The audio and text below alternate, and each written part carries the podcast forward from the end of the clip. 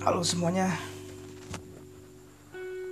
Bapak ibu saudara-saudara sekalian Di mana pun anda berada saat ini Saya mengucapkan selamat pagi, selamat siang, dan selamat malam.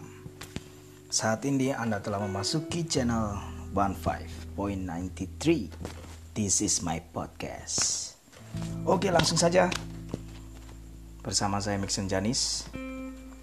Hari ini saya akan sharingkan yang luar biasa Tepatnya dari pagi nih guys. Dari pagi.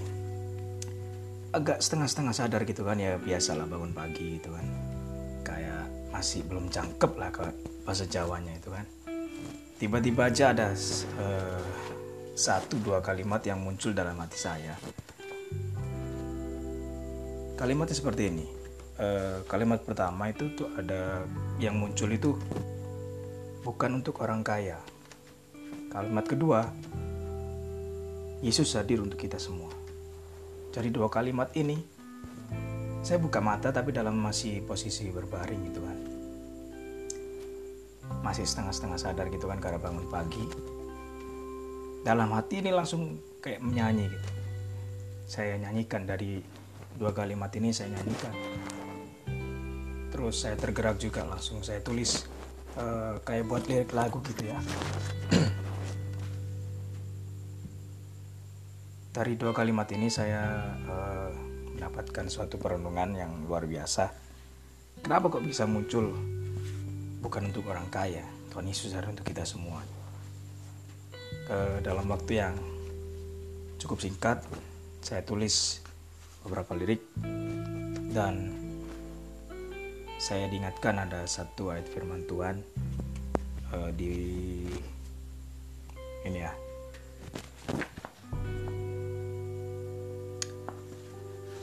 di Matius 9 ayat 13 bunyinya seperti ini. Jadi pergilah dan pelajarilah arti firman ini. Yang kehendaki ialah belas kasihan dan bukan persembahan. Karena aku datang bukan memanggil orang benar melainkan orang berdosa. Nah, di sini ada artinya nih. Kalau dalam perenungan saya bukan soal kita bisa memberi persembahan atau tidak. Soal banyak atau sedikit jumlah persembahan kita. Tapi karena belas kasihan Allah. Bukan untuk orang benar tapi orang berdosa. Nah, di sini uh, saya coba jelaskan sedikit uh, menurut benar, uh, perenungan saya nih ya.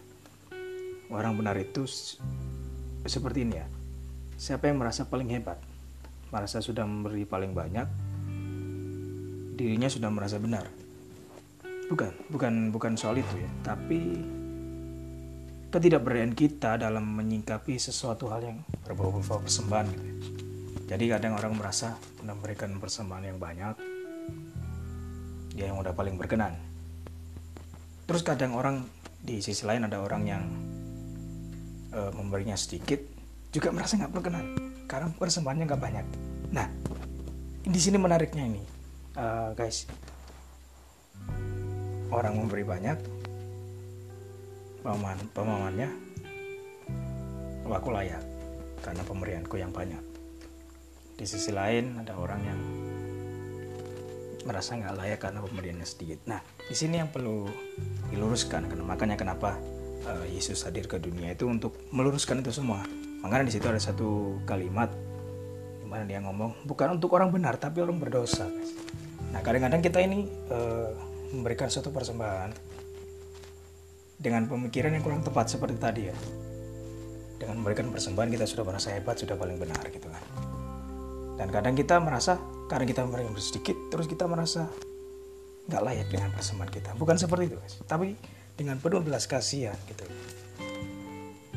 Jadi ayat firman Tuhan yang ngomong, yang ku kendaki ialah belas kasihan dan bukan persembahan, bukan masalah persembahan ya guys, tapi belas kasihan Tuhan gitu kan untuk umatnya. Jadi kenapa persembahan kita ini uh, kita lakukan? Tujuannya kita kembalikan uh, kepada Tuhan itu semuanya karena belas kasihan Tuhan terhadap kehidupan kita sehingga kita hidup sampai saat ini gitu kan. nah, kenapa untuk orang berdosa? Seperti yang saya jelaskan tadi ya. Kita memberi persembahan merasa mampu, kita sudah merasa benar. Kita tidak mampu memberi persembahan atau memberi dengan jumlah sedikit, kita sudah merasa tidak layak. karena dosa yang begitu merajalela sehingga intimidasi pujian yang salah itu semakin menekan ya kan? Jadi pujiannya bentuknya seperti ini. Wah kamu hebat. Kamu bisa memberikan persembahan yang sangat banyak. Wah kamu persembahanmu sedikit. Kamu nggak layak itu yang uh, yang saya maksud dosa yang merajalela di situ. Itu yang membuat pemikiran orang itu akhirnya eh, nggak uh, bisa berpikir yang tepat gitu kan.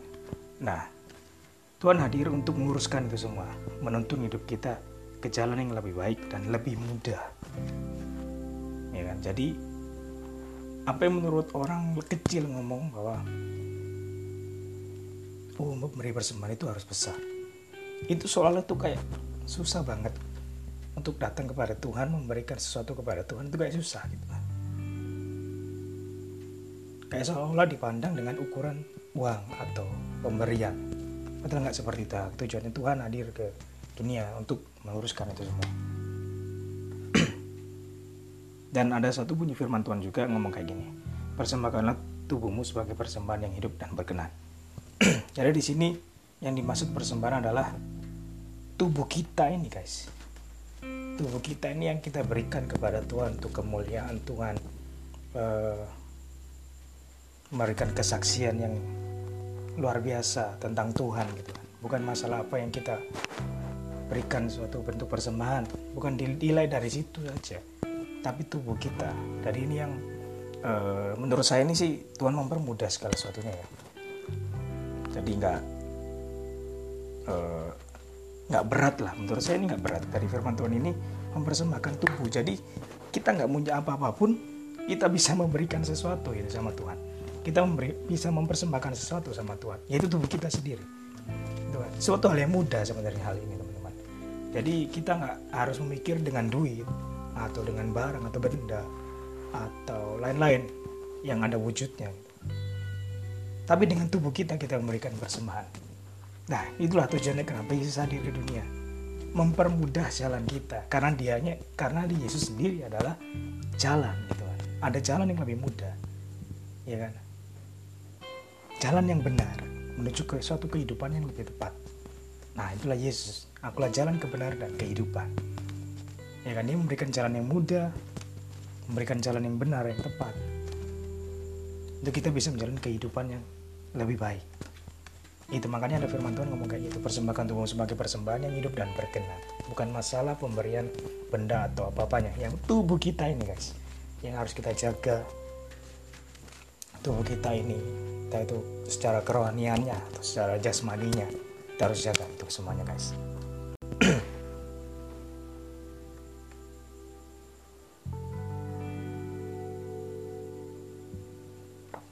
Ada firman Tuhan juga ngomong kayak gini uh, di Lukas 21 ayat 1 sampai 4 ya. Coba kita buka dulu. Lukas 21 ayat 1 sampai 4 ya.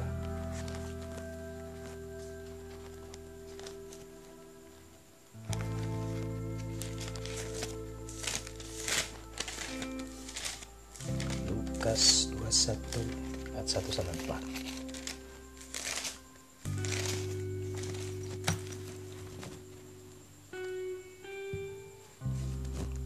Ketika Yesus mengangkat mukanya, ia melihat orang kaya memasukkan persembahan mereka ke dalam peti persembahan. Ia melihat juga seorang janda miskin memasukkan dua peser ke dalam peti itu. Lalu ia berkata, Aku berkata kepadamu, sesungguhnya janda miskin ini memberi lebih banyak daripada semua orang itu. Sebab mereka memberi persembahan dari kelimpahannya tetapi janda ini memberi dari kekurangannya, bahkan ia memberi seluruh nafkahnya. Jadi dari pemahaman ini guys, eh, pemandangan yang diberikan Tuhan kepada kita bahwa bukan dari kekayaan kita, ini kan ukurannya. Bahkan di sini Tuhan memberikan suatu gambaran dari kekurangan yang Dia bisa memberi. Artinya apa? Tidak ada batasan kita memberi uh, kepada Tuhan gitu.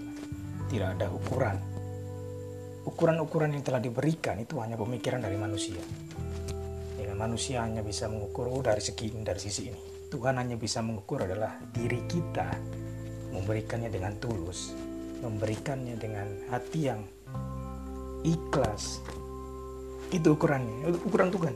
Makanya ada satu kalimat tadi yang saya sampaikan bahwa Tuhan ingin lebih mudah, memberikan jalan yang lebih baik dan lebih mudah. Gitu. Jangan melihat dengan ukuran manusia, karena ukuran manusia itu terbatas, ya kan? Lihatlah dengan ukuran Tuhan, dengan tubuh kita saja.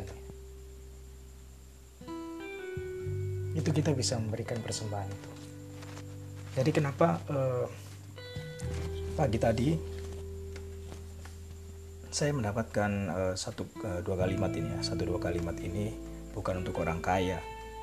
Yesus hadir untuk kita semua. Jadi setelah saya merenungkan itu semua ternyata ada firman Tuhan nih yang menguatkan dari itu semua. Bahwa kalau kita mengukur uh, apa yang kita berikan kepada Tuhan dengan kekayaan kita tentu orang miskin akan akan masuk surga. Kalau mungkin kita mengukur uh, orang oh pemberi harus dengan dengan kekurangan, apa kita harus menderita lagi? Kan nggak juga gitu kan. Apa yang sudah diberkati Tuhan akhirnya, oh aku mau memberikan dengan tulus, aku harus menderita. Uh, menjadi orang miskin dulu, enggak juga. Dan makanya kenapa di sini saya mau bagikan bahwa jangan pakai pemikiran manusia tapi pemikiran Tuhan bahwa ada yang lebih mudah dari itu semua. Kalau kita merasa nggak punya apa-apa jangan menganggap diri kita ini udah kosong. Saya nggak bisa memberi apa-apa sama Tuhan. Tubuh kita ini teman-teman. Kita bisa memberikan yang terbaik untuk Tuhan kita. Nah uh, dari satu dua kalimat tadi saya coba uh, menulis beberapa kalimat ini kayak lirik lagu gitu modelnya ya. Jadi saya tulisnya seperti ini, ini sebagai penutup. Bukan untuk orang kaya dia datang ke dunia. Bukan untuk orang susah dia tinggalkan tahta surga. Bagi setiap mereka yang hidupnya di, di dalam dunia untuk orang percaya Tuhan Yesus hadir untuk kita semua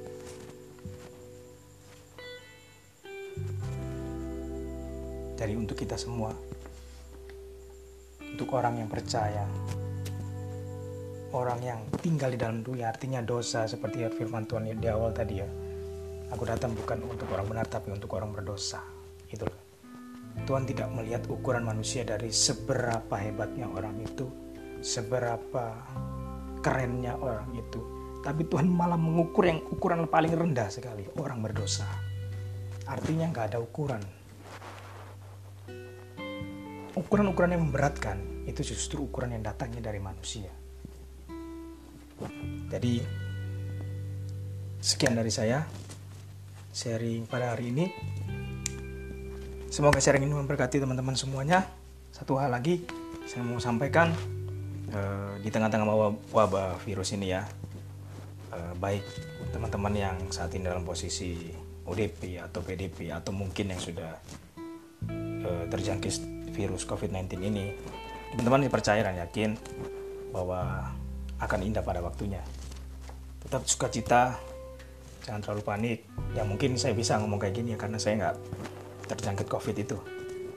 Tapi saya mau bagikan di sini, saya mau menguatkan teman-teman bahwa bagi teman-teman yang mendengarkan ini di posisi yang ODP, BDP atau yang sudah kena COVID, hati yang gembira adalah obat teman-teman. Percaya bahwa Tuhan sanggup sembuhkan dengan bilurnya, dengan darahnya.